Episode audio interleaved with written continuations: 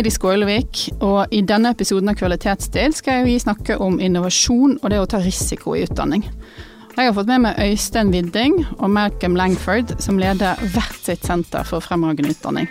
Så jeg har lyst til å begynne med deg, Malcolm. Kan du eh, fortelle oss litt om hvorfor er det så viktig å jobbe med innovasjon i utdanning? Verden endrer seg uh, hele tiden. Uh, så det er viktig også at utdanning uh, endrer seg. Uh, ellers kan vi gi våre studenter kunnskap og kompetanse som er helt irrelevant, irrelevant til verden rundt dem. Men det er ikke bare det. det er at vi også lærer ting om hvordan vi kan utdanne våre studenter og elever mye bedre. Og vi burde ta den kunnskap i, i bruket. og for det siste Eh, er det gøy, eh, både for oss, men også for studenter, å gjøre nye ting. Og når vi gjør ting som er gøy, er det ofte mye motiverende eh, for å, for å lære. Og ofte innovasjon kan bli litt mer krevende for studenter og, og, og for oss. Men hvis det gir motivasjon, går det ut over uh, læringsutbytte. Jeg kan fortelle en historie der jeg innførte f.eks. Um, uh, faget legal technology. Og jusstudenter måtte utvikle et teknologisk produkt for dommere, advokater, borgere, til å hjelpe dem til å anvende jus, forstå jus uh, osv. Og jeg hadde en student uh, som løp inn til meg i, i helt panikk. Han sa i dette prosjektet må jeg jobbe med andre studenter. Jeg jobber med teknologi og design. Jeg må ha muntlig presentasjon. Jeg har aldri gjort noe av det, og han var en femteårsstudent. Um, uh, det eneste jeg har gjort, er rett dogmatisk metode. Og, men det var interessant etter tre år, etter beklager, tre måneder og en fantastisk prosjekt hvor, hvor mye han hadde vokst uh, gjennom den prosessen. hadde virkelig uh, gøy. Men han måtte gå gjennom den, den innovasjonen selv og den nye måten til å, til å lære juss. Ja. Jeg likte det argumentet aller best, fordi at det er grådig gøy. uh, tusen takk. Um, det som jeg eh, treffer eller hører litt når vi snakker om innovasjon, er jo at hele innovasjonsbegrepet um, blir både for noen litt abstrakt, og så legger det litt sånn forventninger om at det må ligge et litt sånn høyt nivå på det. Eh, kanskje du Øystein vil si litt om det. Hva mener vi egentlig med innovasjon i utdanning? Ja, det tror jeg det er mange, mange svar på. Men hvis vi ser på innovasjonsbegrepet i seg sjøl, så er jo det relativt subjektivt. Altså det er den som blir utsatt for det som er på et vis dommeren på om det er innovativt eller ikke innovativt. Um, og så har vi jo liksom to ytterpunkter på den innovasjonsskalaen. Det ene er jo inkrementell innovasjon, som er små, stegvise um, forbedringer. Og så har vi andre grøfter, det radikale uh, innovasjoner, da, som er der vi knekker rundt på ting. og og jeg kommer jo fra et fagfelt med entreprenørskap, så det med innovasjon er jo en del av vår genetikk. Og så er jo selvsagt eh, utfordringen å, å, å, å, ta i bruk egne verktøy og, og tørre å være innovativt i vår egen hverdag òg, selv om det foregår mye innovasjon rundt oss uh, hele tida. Mm. Men innovasjon er jo uh, i utgangspunktet for, veldig forenkla er det jo noe som er nytt. Det bør være nyttig. Og så hvis det, den siste kravet er jo at det er nyttiggjort, altså at det blir tatt i bruk. da. Det er jo en utfordring for oss som er SFU-er òg. Vi kan godt eh, dra opp en hel haug med aktiviteter og prosjekter som er nytt, og som eh, tilsynelatende er nyttig, forhåpentligvis er nyttig. Men hvis vi ikke får det nyttiggjort, hvis vi ikke klarer å spre det ut til andre at det blir tatt i bruk, så er det nok eh, dessverre litt wasted. Da er det ikke innovasjon. Da må du innfri på alle Da er det ikke innovasjon. Nei, da må du, du må innfri på alle tre kriteriene. Ja. Men, men, hva er forskjellen eh, på innovasjon og kontinuerlig forbedring? Kan vi dra en linje mellom der, eller er kontinuerlig forbedring en del av innovasjonsarbeidet? Ja, kan, eh, Det der vil man jo strides litt om, da. Det er ikke noe problem å si at i, i hvert fall er søskenbarn eh, kontinuerlig forbedringsarbeid og innovasjon. Men innovasjon er kanskje noe som, som muligens kan oppstå litt mer spontant. Det er òg mindre Man kan tenke seg at det er litt mindre systematisk. Um, revisorer kan drive med, med, med kontinuerlige forbedringer. Um, mens um, entreprenører bedriver jo innovasjon fordi at de ser en oppdukkende mulighet, eller de skaper en mulighet. Og på bakgrunn av det da, så, så, så, så er innovasjon middelet da, for å noe, eller for å ta i bruk den muligheten.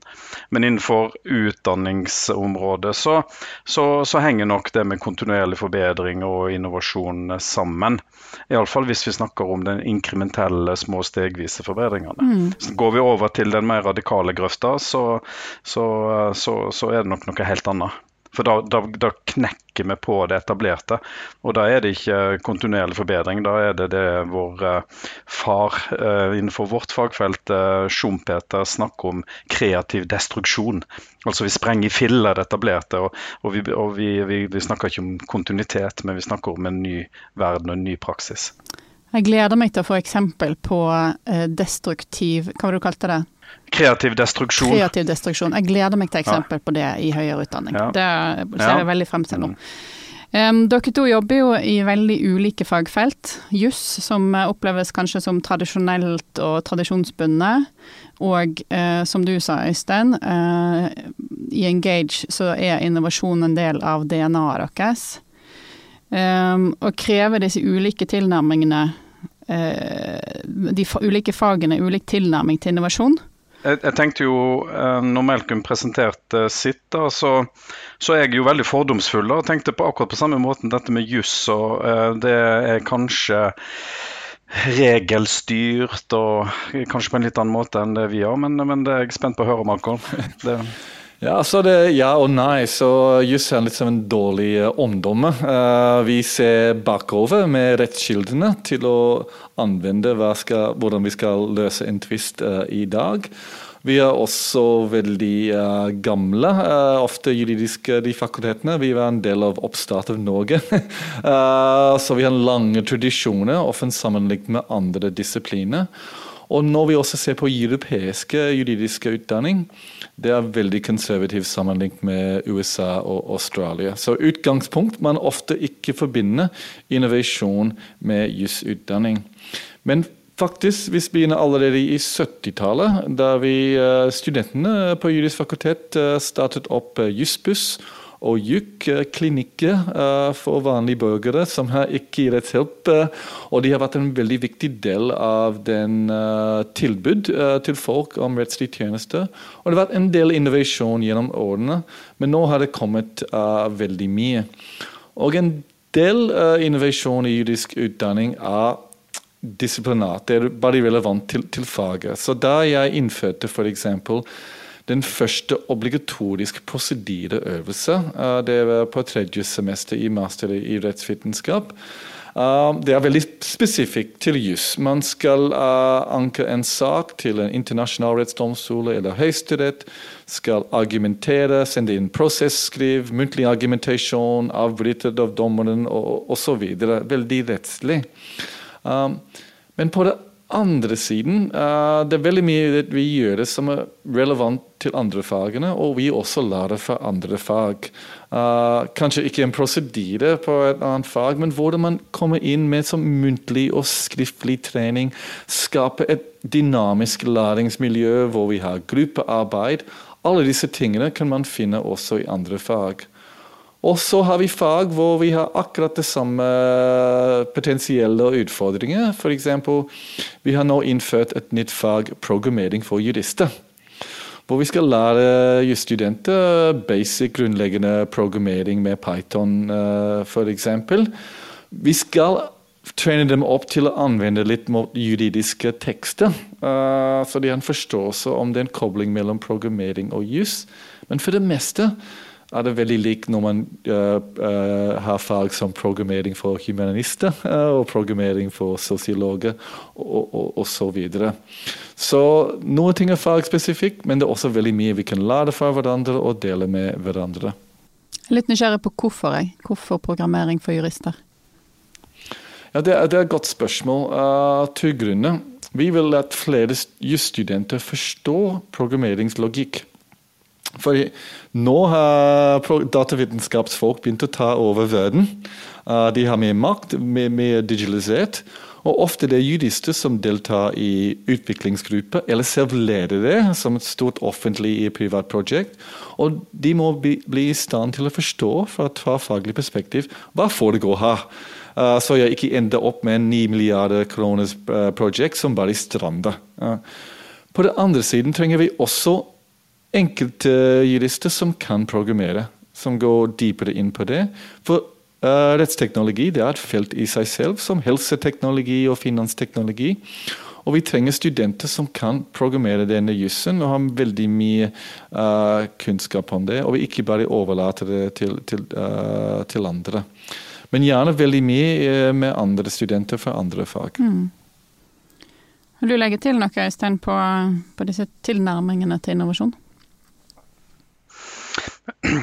Ja, eh, SFU Engage er jo et litt spesielt senter i forhold til at vi ikke vi, ut, vi skal jo prøve å utdanne um, det entreprenørielle i mange forskjellige fagdisipliner. Ikke bare i den gangen vi sitter eller i det fagmiljøet vi er en del av, men uh, også være med og, skape aktiviteter på andre plasser på, på NTNU, på Nord universitet. Og så aktiviteter nasjonalt og internasjonalt. Så Delvis så er det jo enkelt å snakke om innovasjon, eller vi trenger nesten ikke snakke om innovasjon, fordi at det er som sagt en del av det vi holder på med, innenfor vår nære sfære. da, sant? Hvis vi snakker om NTNUs entreprenørskole f.eks., som er en av, eh, av, partnerne i dette senteret, så, så, er det som sagt en del av genetikken. Kommer inn på sykepleien f.eks., kommer inn på musikkutdanning, kommer inn på på andre utdanninger Det er dette entreprenørskapsbegrepet, innovasjonsbegrepet, er ganske fjernt. Så, og til og med en hatsk stemning for å ta ordet i sin munn. Så, så, så må en jo ha andre tildemninger der, sånn at vi klarer å kombinere den fagligheten som er der, med vår faglighet. Um, og, og, da, må en, da må en bruke spille på et helt annet register for, for, for, å, prøve å drive entreprenøriell utdanning. da. Um, og Da snakker vi kanskje heller mer om endringsagenter, at det er det disse kandidatene skal bli, snarere enn at de skal starte bedrifter og bli entreprenører. Um, F.eks. Uh, på musikk, musikkstudenter da, blir utdanna i utgangspunktet til arbeidsledighet. altså det, det, er ikke noen jobb som står ledig og klar til de, i hvert fall i veldig liten grad. Så de må være i stand til å skape sin egen hverdag og, og bli en profesjonell utøver av det de er blitt utdanna til. Og for å kunne det, så må de lære, mener vi da, må, må, de lære litt av dette og bli, bli en, en, en, opptre entreprenørielt i, i i sitt studie og utenfor mm. når de er ferdig. En del av um, dette med innovasjon um, på noen, er jo en del av å ta risiko, å prøve og feile og prøve seg frem. Um, skal vi snakke litt om det? Uh, hvordan opplever dere muligheten, eller behovet for å kunne ta risiko i innovasjonsarbeid? Det er kjempeviktig å ha muligheten til å, å feile. Da jeg kom med et forslag om det er en prosedyreøvelse for 200 studenter hvert semester, fikk jeg en del motstand. Og en god del sa det er umulig å gjennomføre. Jeg støtter ideen, prinsippet. Um, men jeg jobbet med administrasjon og studenter, og vi fikk et opplegg som faktisk fungerte uh, etter en liten pilot. Og så gikk det kjempebra. Da vi utvidet det på tredje år og innførte en forhandlingsøvelse i avtalerett, opp til nå har våre studenter aldri forhandlet en avtale, men de har også ikke sett en avtale. En det er bare i lærebok og rettspraksis. Men så vi utviklet en forhandlingsøvelse, det med Marte Sjøven og andre faglærere på tredje år, hvor studentene må forhandle frem en avtale og særlig fire, fire bestemmelser. Men vi gikk rett på med 200 studenter. Og fikk dårlige tilbakemeldinger. Dårlige evalueringer. Så det var litt av en sjokk. Prøvde en del endringer. Enda dårlige evalueringer høst uh, 2021. Og så kom vår 2022 men enda mer uh, endringer, og så landet uh, vi det. Og det som er viktig, at alle måtte ha også litt tålmodighet. Og prøve å feile, prøve å feile, for det er noe som vil faktisk uh, gi opp. Um, så ofte kan det, det, ta tid. Vi har også en annen ting vi introduserte om rettslig argumentasjon, som tok seks semestre til å faktisk lande. Og på ett semester kom ingen student. For de trodde det var så dårlig. Men nå kommer mange. Hadde de hørt før der, fra, fra, medstudenter at dette faget er så dårlig at det ikke er verdt å gå på? Ja. Uh, så vi må bli uh, tålmodige uh, med hverandre og, og, og, prosesser. Vi må tillate glorious failures. Um, men samtidig må vi opptatt med kvalitetssikring, evaluering av uh, rammer. Vi har også gått på et smell med en del uh, teknologiske prosjekter. Uh, og vi kunne kanskje gjøre ting litt bedre. Så ja, det må bli passelig.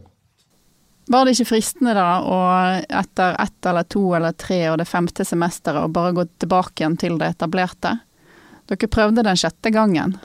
Uh, det er akkurat det. Uh, så um, det er en balansegang, da. Uh, men man kan også si 'never give up', men prøv og feil. Og, men få andre folk inn til å evaluere, hjelpe deg. Og vi har også fått mange hjelp for pedagoger i økende grad uh, til å også gjøre ting på en litt kvalitetssikret måte. Vi er hobbypedagoger. Vi bare kaster oss inn og prøver ting inn. Og så man trenger også litt hjelp fra andre uh, i mm. prosessen. Du da, Øystein, hva tenker du om uh, behovet for å ta risiko? Ja, og der blir det jo litt sånn som innovasjon. Det er en del av Altså risiko, usikkerhet og risiko er en del av, av den fagligheten som vi har da innenfor entreprenørskapsfeltet det fins ikke entreprenørskap uten risiko og usikkerhet. Det, det, det fins ikke. Og det prøver vi å ta inn i, um, i, i utdanninga vår og utviklinga av den, der vi anerkjenner og tolererer da, at, uh, at, med, at, studentene får holde på med ting som de antageligvis uh, Det kommer til å oppstå en eller annen form for ikke-suksess. da.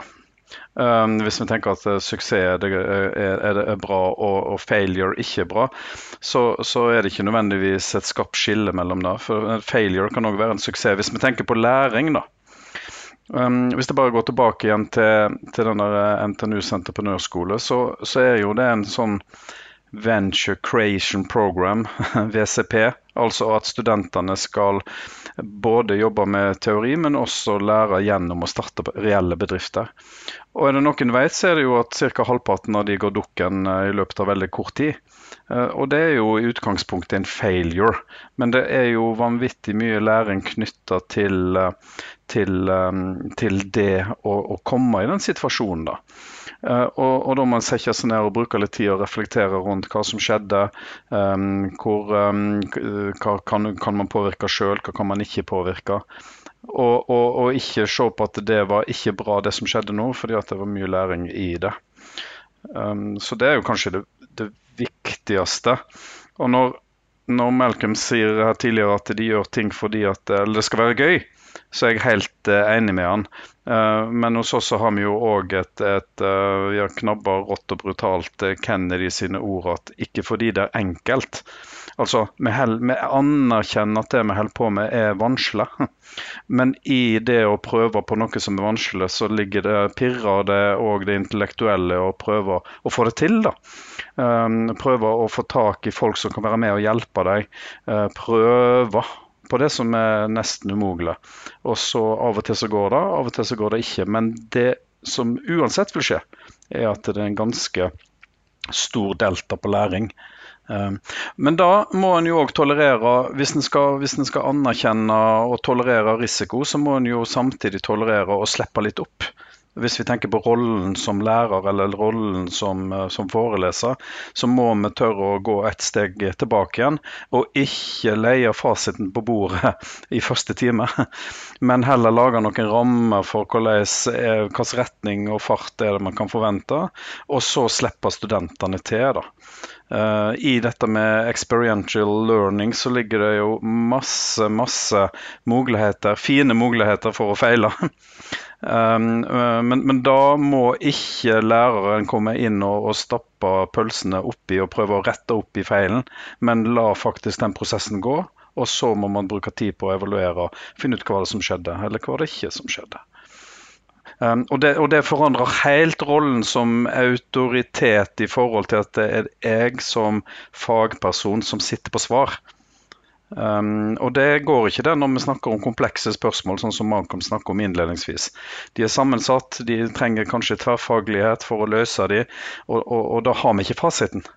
Men den eneste måten å komme videre på i utvikling, det er å prøve et eller annet i praksis. Teste ut ting.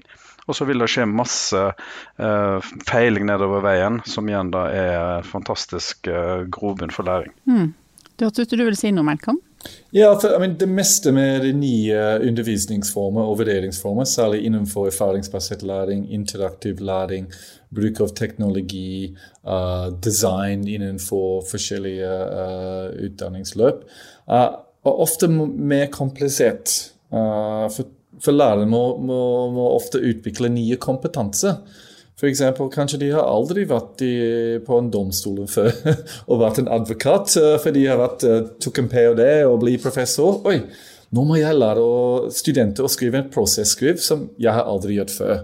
Uh, for eksempel. Og, vi ser, og det er også en læring for mange juridiske fakulteter i, i, USA, særlig Harvard, der de innførte erfaringsbasert læring, at deres egne lærere var ikke kompetent uh, nok. Um, Samtidig, når man får det til å gi studenter mer plass, som Øystein er inne på, at vi beveger oss fra et lærerfokusert modell til en studentfokusert modell, kan man faktisk få litt mer tid. Etter det første semester eller to, for da mest læring over, over på studenten. Og vi filosoferer eh, denne prosessen, og vi kan jobbe med studenten på, på, en andre måte. Så det tar litt tid til å prøve å finne en læringsdesign som, som passer studenters læringsprosess. Og i Norge, på mange felt, er vi 30-40-50 år bak andre steder i, i verden. Uh, F.eks. på et universitet i Australia på juss begynte med erfaringsbasert læring i 70-tallet. Uh, og nå kommer det til Norge 40-50 år uh, senere. Men de uh, i Australia, særlig i USA, har de prøvd og feilt masse. Og, så vi må også gi oss litt tid. Men vi også gjør ting nå i Norge at man ikke gjør det i andre land. For vi har andre forutsetninger, bl.a. SFU-er. Uh, bl.a. en opplegg med profesjonsutdanning som gir oss muligheter til å teste nye ting som vi kan også dele med resten av, av, av verden. Men det tar litt tid. Ja, jeg, kan prøve å by litt videre på, på akkurat dette da, med, med, med risiko å slippe opp litt kontrollen. Um, vi jobber jo masse med um, Altså vi prøver å skille mellom hva som skjer på, inne klasserommet, og hva som skjer på utsida av klasserommet. Og hvilken læring er det som skjer henholdsvis innenfor og utenfor. Det er jo ikke så fryktelig mange timer studenter er i klasserommet i forhold til hvor mange de er på utsida av klasserommet. Uh, men vi ser jo at det er veldig mye læring i eh, studentfrivilligheten osv. Altså det utløser noe energi da, for å jobbe utenfor klasserommet. Um, som igjen betyr læring. Så for vår del så, så bruker vi en del energi på å, å, være med og bidra til å utvikle sånn studentdrevet økosystem for, eh, for innovasjon. da. Um, sånn at studentene sjøl kan, kan drive med innovativt arbeid også utenfor uh, klasserommet. da. Uh, igjen tilbake igjen til den der uh, eh, NTNUs entreprenørskole. De har kanskje maks ti klassetimer uh, i, i veka der, og så vet vi at de jobber ca. 60 timer i veka med fag og med oppstarten sin. Og Det er jo ikke fordi at de må Det, det, det handler jo ikke om at, at, det bare foregår innenfor klasserommet, men mesteparten av tida foregår utenfor klasserommet. Og dette er jo et studie som, som ligger helt i norgestoppen i forhold til studiebarometer og den type ting som det.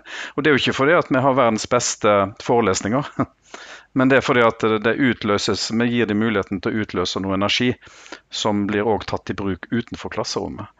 og, det er òg en, en, måte å tenke på som, som, som, som kanskje flere kan, kan, lære av.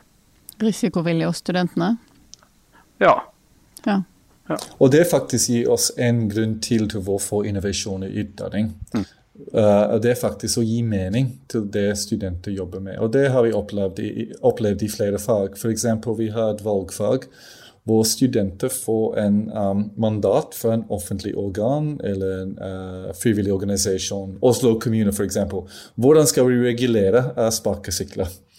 Og studenter skriver en offentlig utredning, det, det kalles en JOU, studentens offentlige utredning, som en offentlig utvalg.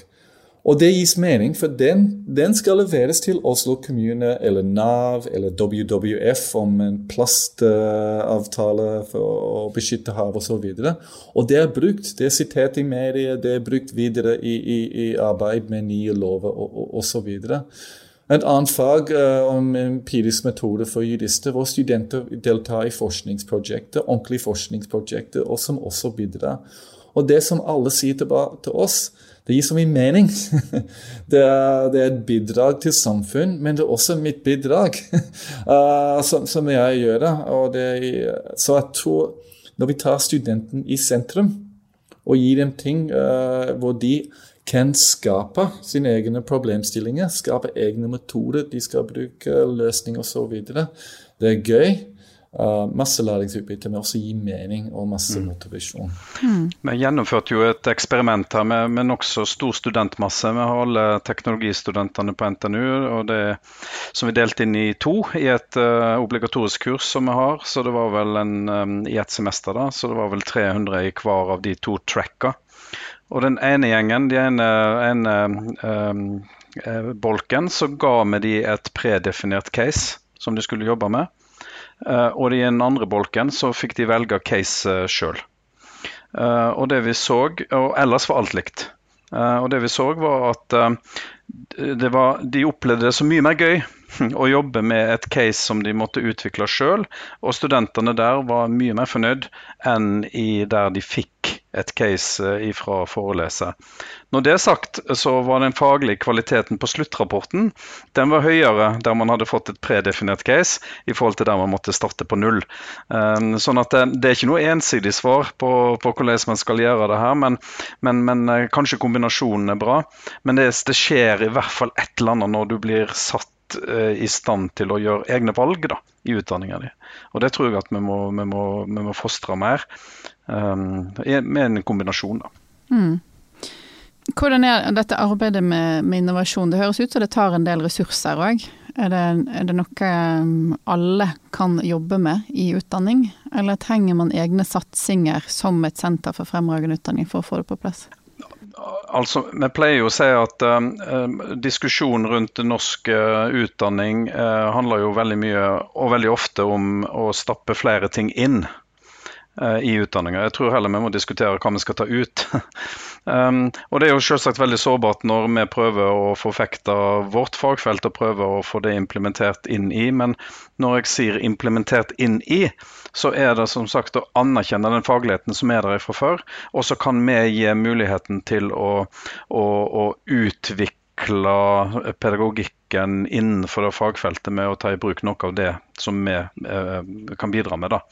Sånn at Hvis vi tenker oss en sånn T, så skal jo disse kandidatene bli dype eh, innenfor sitt fagfelt, men de må samtidig kunne noe overordna i, i, i, den T-en. og, og, Det er kanskje det overordna vi kan bidra til, men også er det et middel for å komme dypere.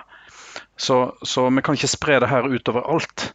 Eh, men, men uh, må heller diskutere hva som skal ut av, av utdanninga. Mm.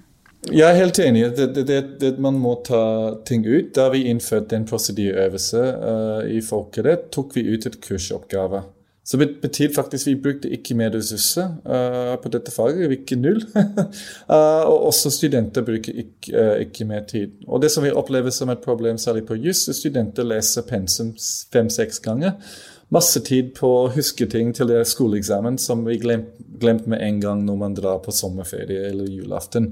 Så det er så viktig å ha ting inn som faktisk gir læringsutbytte, og ta det ting ut som ikke gjør det, eller er dårlig for læringsmiljøet. Um, trenger vi eh, SFU? Um, litt som uh, på barneskolen. Svarer alltid Jesus. Svarer alltid ja. SFU med penger, interaktiv læring og, og, og, og, og så videre. Og den har en, en stor rolle. Men det største må, må bli at alle undervisere uh, kommer i gang med ordentlig deltakelse i undervisningsutvikling. Og det kan bli i en liten, i liten grad eller stor grad. Men man reflekterer over egne undervisning, utforsker ting, prøver ting gjerne i, i, i fellesskap uh, med andre. Det er som såkalt sottel uh, tilnærming. Og vi må endre kulturen kultur uh, på høyere utdanning, hvor undervisning er like viktig og like gøy uh, som forskning og også uh, formidling. Og hvis SFU kan hjelpe uh, til det, det er viktig. Andre uh, projekt uh, som uh, utlysning kan bli viktig for. Meditering kan bli viktig for det. Men også hvordan universitetene finansierer ting. Hvordan de fordeler ressurser. Hvor mye til sensur, hvor mye til undervisning. Så Stortinget og regjeringen har en ganske viktig rolle her, for de legger premissene for det. Og f.eks. i fag som juss og humaniora, vi får mye mindre penger enn f.eks. matematikk-fag. For det er beregnet vi skal bare forelese og ha skoleeksamen. Nei, hvis vi skal ha ordentlig utdanning, trenger vi ressurser. Så alle må med til å forsikre at vi har et ekosystem på nasjonalt nivå og på europeisk nivå til innovasjon av uh, uh, utdanning. Men SFU-ene er en skikkelig virkelig, virkelig uh, driver for det og spiller en, en viktig uh, rolle. Mm. Jeg har lyst til å, å, lande på noen helt konkrete råd, uh, hvis dere kan uh, liste de opp uh, på slutten her. Konkrete andre som skal starte arbeidet med innovasjon i utdanning. Men først har jeg lyst til å gå tilbake til deg, Øystein. Har du, hvordan ser kreativ destruksjon ut i utdanning? Har du det eksempelet til meg før vi gir oss? Ja, Det er vel nesten et sånn filosofisk svar, da, for en kan, ikke, en kan ikke si hva det er før en har sett det. Ja, har du sett det? Um, nei.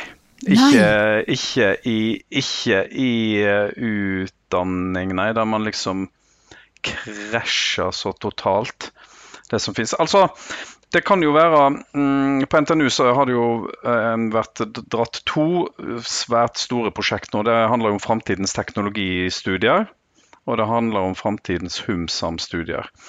I dette så ser man ja vel, eh, vi må utvikle en mer moderne Eh, utdanning som nettopp utvikler den T-en.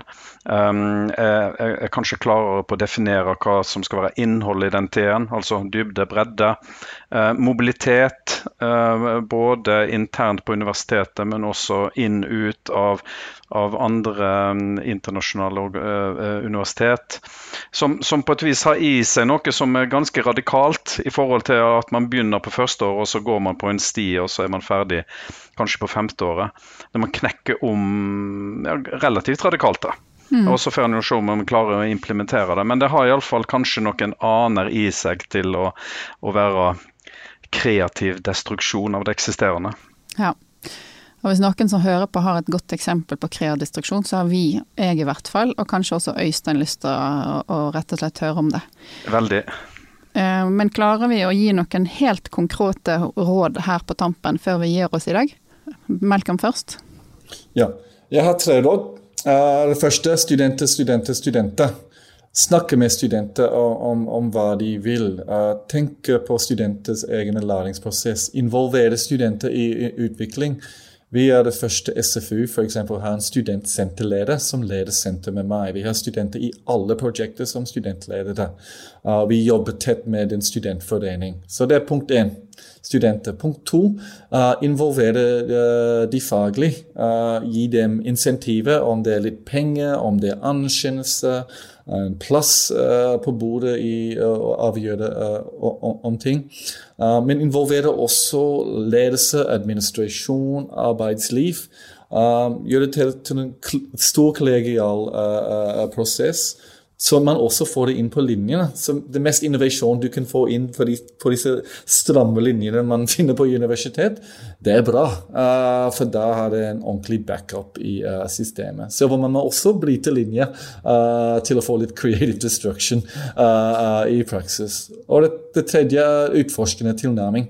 Bli åpen til nye ting og, og, og tør og feil. Hmm. Hva vil du legge til, Øystein? Ja, jeg vil uh, stjele litt det som Malcolm sier i forhold til studenter. Det kan ikke sies ofte nok. Og skal man begi seg inn på det, altså implikasjonen av å, å involvere studenter er jo at du, at du tør uh, og er modig og gir opp litt av din egen uh, autoritet som fagperson. Det skal ikke bety at du ikke betyr noe, at ikke det er viktig det du kan. Men det er noe i utdanninga som, som nettopp kan utvikle ny kunnskap som vi ikke kjente fra før. Altså Det ligger litt i, eh, i innovasjonsbegrepet. Sant? Nytt, nyttig og nyttiggjort. Og, og eh, forhåpentligvis så vet vi ikke alt i dag. Så den ene biten. Den andre biten er at gå, eh, gå sammen kollegaer for å utvikle faglighet og utvikle kurs og utvikle program. Ehm, det er mye kjekkere når, eh, når, man er flere som kan være med og diskutere, istedenfor at én person har ett eh, studie og så en annen person et annet studie. At vi tenker at vi går sammen, uh, jobber sammen. Og den tredje er at jeg vil anbefale å sjekke ut SFU Engage sine hjemmesider. For der ligger det en resource hub. Som, der det er masse forskjellige typer ressurser tilgjengelig som man kan sjekke ut inklusiv det utdanningsrammeverket som vi har utvikla. Det kan være et tips. Tusen takk for gode råd, eh, begge to. Og så syns jeg vi runder det fint eh, på ditt andre poeng der, eh, Øystein. Gå sammen med kollegaer, for det skal være gøy. Og innovasjon er gøy, det sa jo Malcolm helt innledningsvis. Så nå, nå syns jeg dette var en sånn fin ring på hele samtalen. Tusen hjertelig takk eh, begge to for at dere ville være med her i dag og dele erfaring. Um, tusen takk til deg òg som har hørt på. Jeg har lyst til å komme med et uh, tips òg helt til slutt. Uh, hvis du vil høre mer om temaet innovasjon, så vil jeg tipse om den, en av de første episodene av Kvalitetstid som vi lager. Den har tittelen 'Er kulturendring en forutsetning for å kunne jobbe med innovasjon'? Der finner du der som du finner denne podkasten.